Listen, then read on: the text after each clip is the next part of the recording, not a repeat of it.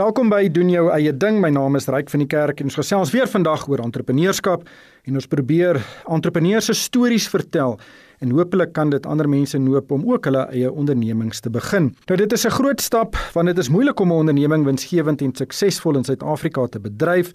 Maar daar is baie entrepreneurs wat dit wel doen. Nou daar is nie 'n wenresep vir sukses nie, maar ek dink uh, suksesvolle entrepreneurs kan ander help om die diepste slaggate te vermy.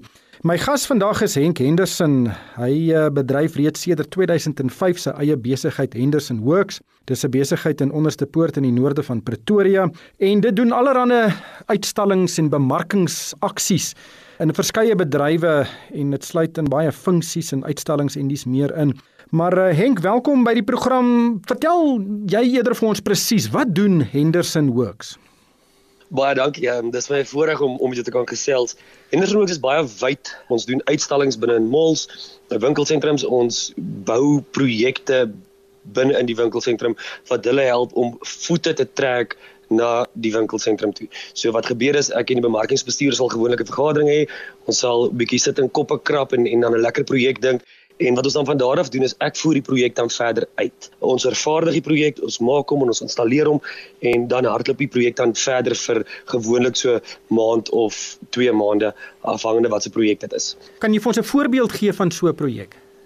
Ons sal byvoorbeeld sal 'n winkelsentrum 'n kar wil weggee.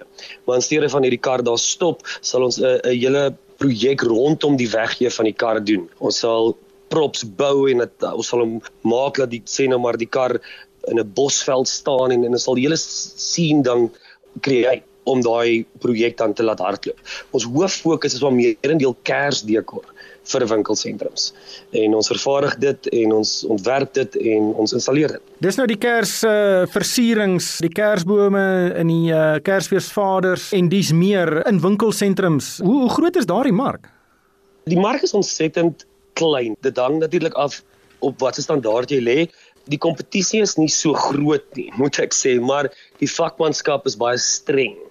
In die kleiner mark, kom ons praat nou van van kleiner kleiner kettingwinkels, daar daar's dis baie kompeterend en daar's baie van hulle. Groter as ons nou praat van groot winkelsentrums, ek is in Suid-Afrika het ek 'n hele paar en ek het in Zambia het ek ook 'n paar malls. In daai vlak is die kompetisie nogal streng, maar nie baie nie. Daar's nie baie van ons nie, maar die standaard is baie baie hoog. Watter winkelsentrums gebruik jou dienste hier in Suid-Afrika? In Linwood het ons altyd vir die Grove, ons het 'n wonderpark wat 'n groot ene is, Fourways, Ferndale on Republic. Ons het oor die 80 om nou 'n paar uit te sonder. Gaan baie moeilik wees. Ons het Manda Hill, ons het Linridge Mall, Glenfair, Linwood Bridge. Die maak so daar's 'n so daar's 'n hele klomp so in julle doen baie van hierdie uitstallings binne in hierdie winkelsentrums doen julle as een onderneming hoeveel mense werk by jou my werk is baie seisoonaal. Ons begin Februarie begin ons vervaardig en ontwerp en dan gaan ons so deur. As dit kom by installasietyd, kan jy glo oor 2 weke begin. 1 Oktober begin ons installeer. So kom ons sê so vanaf Augustus tot en met einde November, dan het ek 60 tot en met 70 mense wat vir my werk. Deur die loop van die jaar het ons so kom ons sê so 20 wat op 'n permanente basis vir my werk. Het jy nou gesê jy begin in Oktober reeds die Kersversierings installeer by sommige winkelsentrums? Dis korrek. By 1 Oktober begin ons by Pietersburg en by Burgersfort. ja. Ja, dis eintlik uh, ongelooflik, maar dit, jy weet hierdie is 'n is een van daai bedrywe wat mens regtig 'n kunstige talent moet hê. Jy moet 'n kunsttalent hê en jy moet 'n oog hê vir detail. Hoe het jy in hierdie bedryf beland? Ek het op 'n stadium met ek vir direk na skool in daai gap jaar het ek vir iemand anders gewerk wat dit ook gedoen het. En verskeie twee sentrums het my raak gesien en vir gesê die dag as ek op my eie is dan moet ek hulle kom sien. En het vir hulle gevra maar ek is dan so nou môre op my eie. Môre die volgende dag 'n meeting gehad en hulle gesien en so deurgevoer. Ek moet vir jou sê my eerste vier winkelsentrums jy het ek teen 'n groot verlies gewerk, dom en onkundig. My ma het my nog uitgehelp destyds met geld en van daar af het ek regtig nie teruggekyk nie. Baie struikelblokke in die pad, maar ontsettend baie geleer. Ek vra altyd, eh, wie was jou heel eerste kliënt? North Park Mall in Montana Crossing, in Pretoria Noord beide van hulle. en en wat hulle het my die gap gegee. En wat het jy daar gedoen? Kersversierings? Yes, ja ja nee, ek het Kersdekor vir hulle gedoen. Dis interessant, maar is jy baie kunstig?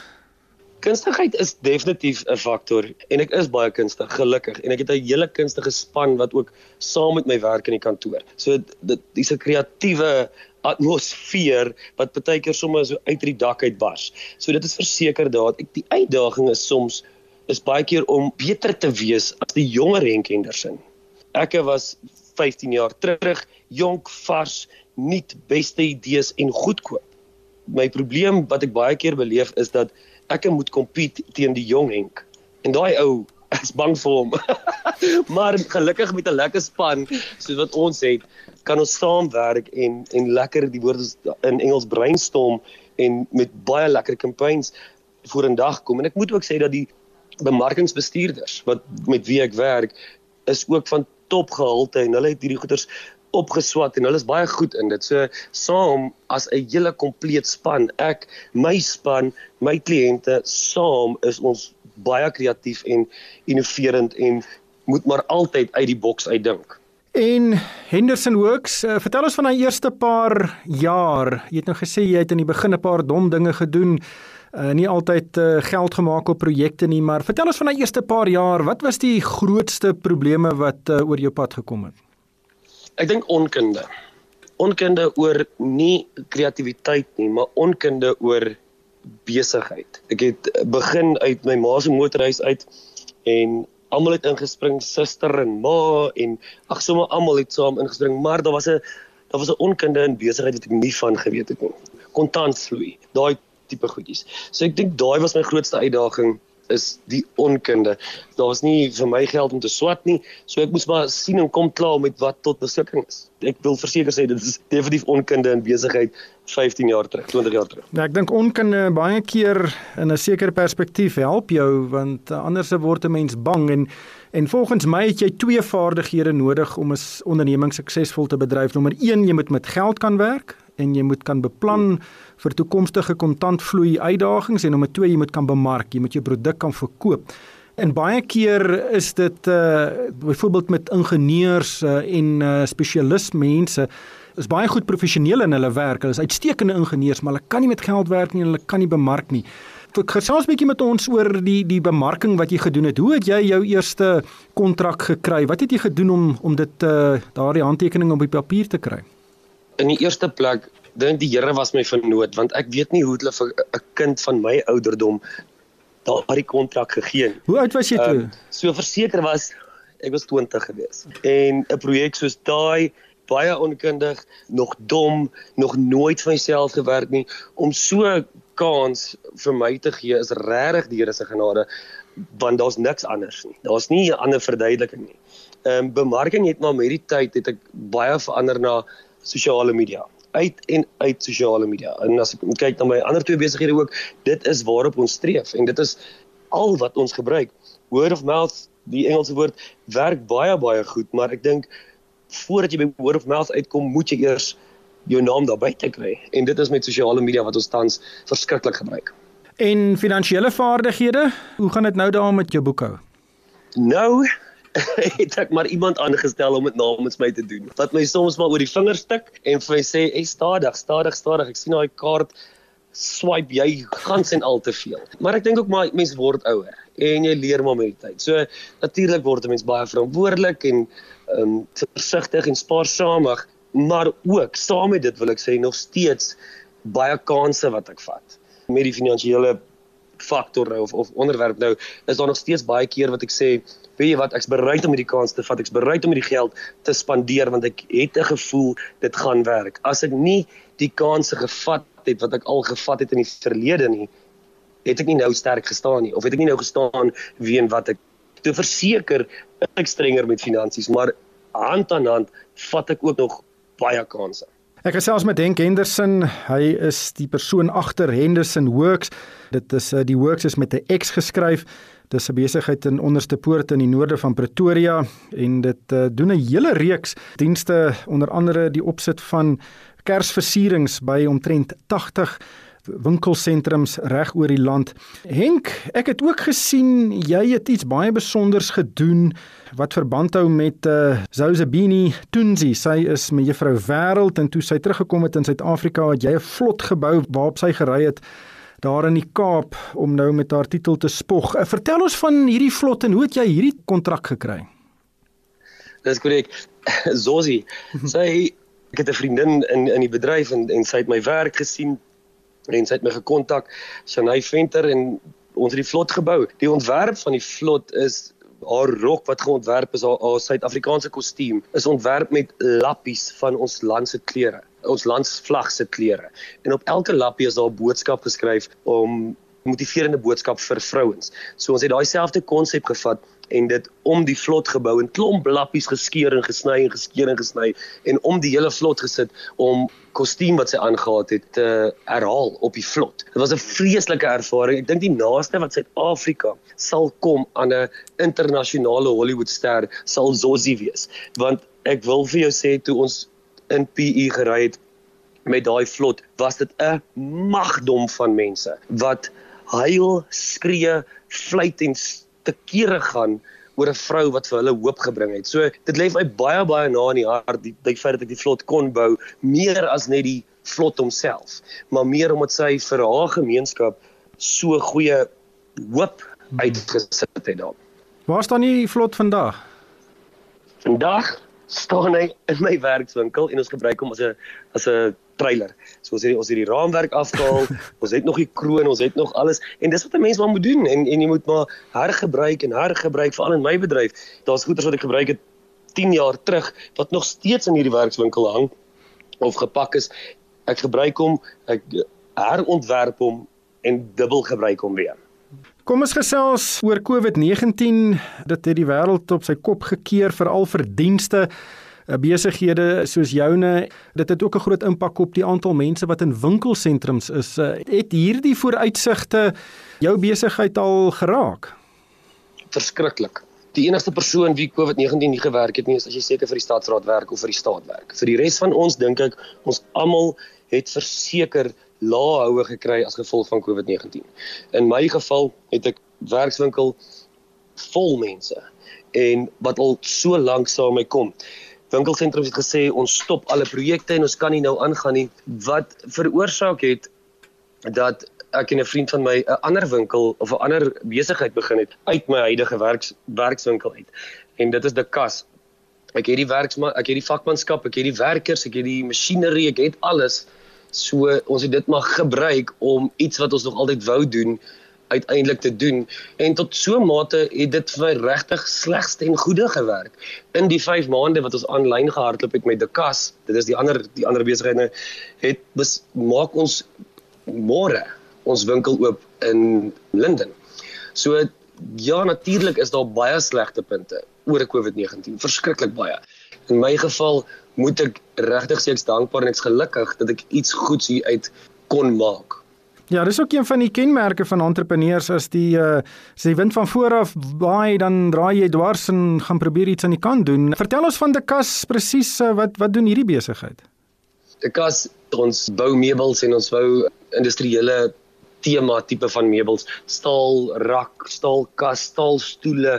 Um, ons trek dit mooi oor die tipe van effek dit is iets wat ons maar nog altyd vir myself doen. Sal ek vir myself meubels bou of vir my vriende meubels bou, sommer so op die kantlyn en COVID het maar gelukkig vir ons uitgewerk dat ek dit kon doen en te begin verkoop. Nie omdat ek ek het letterlik nie 'n keuse gehad nie. Ek moes die ek gaan terug by wat ek vroeër gesê het, ek moes die kans vat en gelukkig vir my het dit wel uitgewerk. Ja, dis nie altyd so maklik nie. En hoe, hoe dink jy oor risiko? Baie mense wat 'n besigheid wil begin sien net die negatiewe en die risiko's raak. Wat is jou perspektief oor risiko? Ek dink daar moet verseker 'n mooi balans wees. Natuurlik is daar risiko in in alles wat jy vat. Nie net in besigheid nie. In in die verhouding met jou met jou vrou is daar 'n risiko dat dit nie vir ewig gaan werk nie. Maar as jy nie die kans vat nie, hoe gaan jy weet? Want wat ek altyd in in my opinie is, Maar wat as dit wel werk? Sou ek dan nou nooit die kans vat nie want ek was te bang dat dit nie gewerk het nie. Ek dink natuurlik moet jy eers jou huiswerk doen en jou navraag doen voordat jy net blindelings hier 'n ding instap. Maar ek dink ons is baie keer geleer om bang te wees vir vir risiko. Jy het 'n werk by die bank, jy's veilig, jy het 'n vaste inkomste, moenie beweeg nie, moenie die kans vat nie. Dit is hoe ons geleer is. En uh, ek dink lekker gelukkig vir my en baie van my vriende is is teen daai en ons vat die kans. Ja, en en wel ek dink as ek moet kyk na, na die mense om my, is ons bly ons hierdie kanse gevat want dit het gelukkig ten goeie uitgewerk. Ja, maar jy vertel ons nou net van die suksesverhale.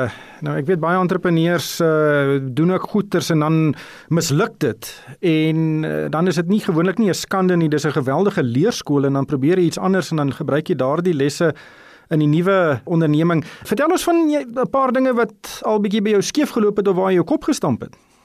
Op op sosiale media sit jy nooit op as jou as jou huis per ongeluk hop nie of jou kar per ongeluk hop nie. So dit lyk altyd goed daar buite. Maar daar is definitief daai daai maande wat jy dink ek gaan hierdie deure dalk sluit. My persoonlik in my persoonlike lewe het het ek 'n vreeslike hou weggekry so 5 jaar terug en ek het geskei.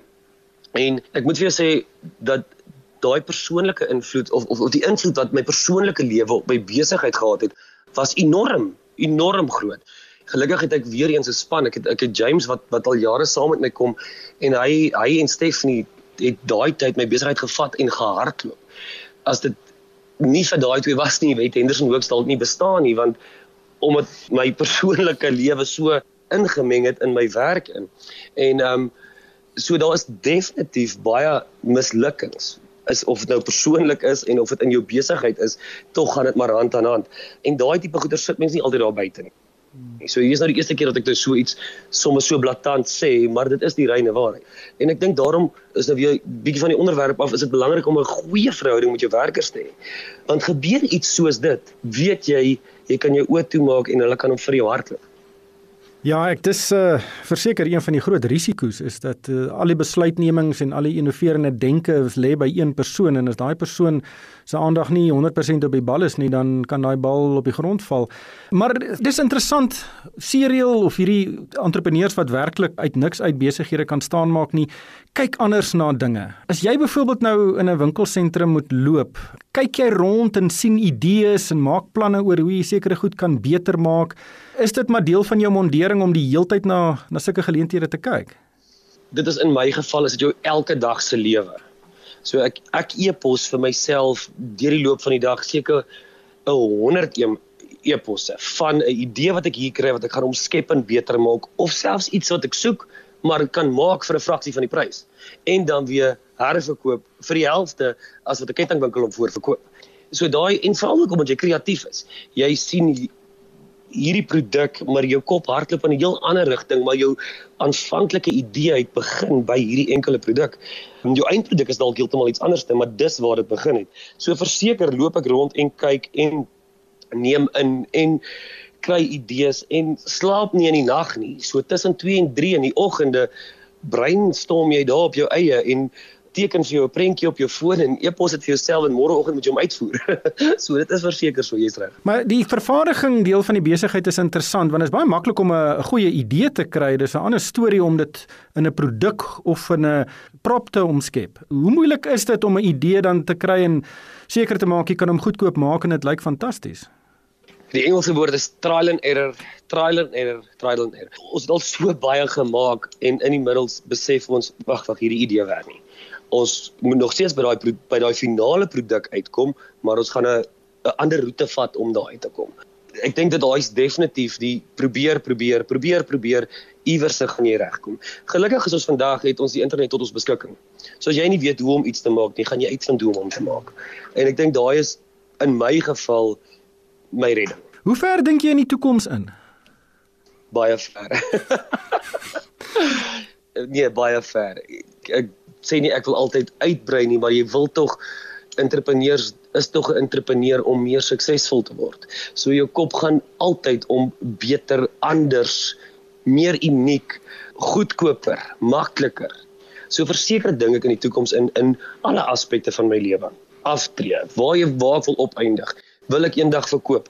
Gaan ek in staat wees om te verkoop? Of is die besigheid ek en ek die besigheid. So ek dink baie baie in die toekoms in, maar ek het nie altyd die vrae nie of die antwoorde vir my vrae nie. Jy bedryf uh, jy het net o gesê 3 besighede. Hoe, hoe verdeel jy jou tyd tussen die 3? Ons ons het 'n gemeenskaplike kantoor en dan het ek 'n afdeling vir elke besigheid. So ek die kas ek het 'n persoon wat wat dis nou my vriend wat saam met my werk aan die kas.